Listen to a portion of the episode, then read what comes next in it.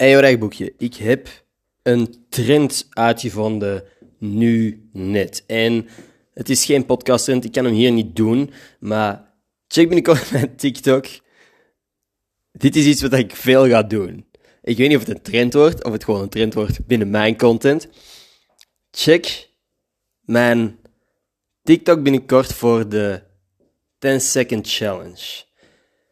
Dit kan nu veel kanten uitgaan. Ik, ik, ik ga er niet te veel meer zeggen. Maar ik denk dat ik voor het eerst in mijn leven een TikTok-trend ga starten. En dat zou fucking sick zijn. Want ik haat trends eigenlijk. Ik vind. Ik, ik weet niet waarom ik dat haat, maar ik denk dat reden van, deel van de reden is dat ik het haat omdat het zo goed werkt.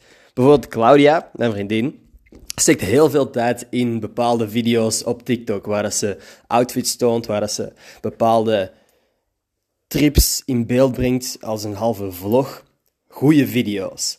Maar dan doen we één keer een trend waar dat je twee foto's bij elkaar mesht en ziet hoe je kinderen er later uit gaan zien. En dat is de shit dat scoort.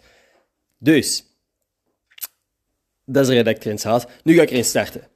Snel, binnenkort. Ik ga straks mijn eerste al opnemen. Met William hier. Oké, check TikTok. en tot straks.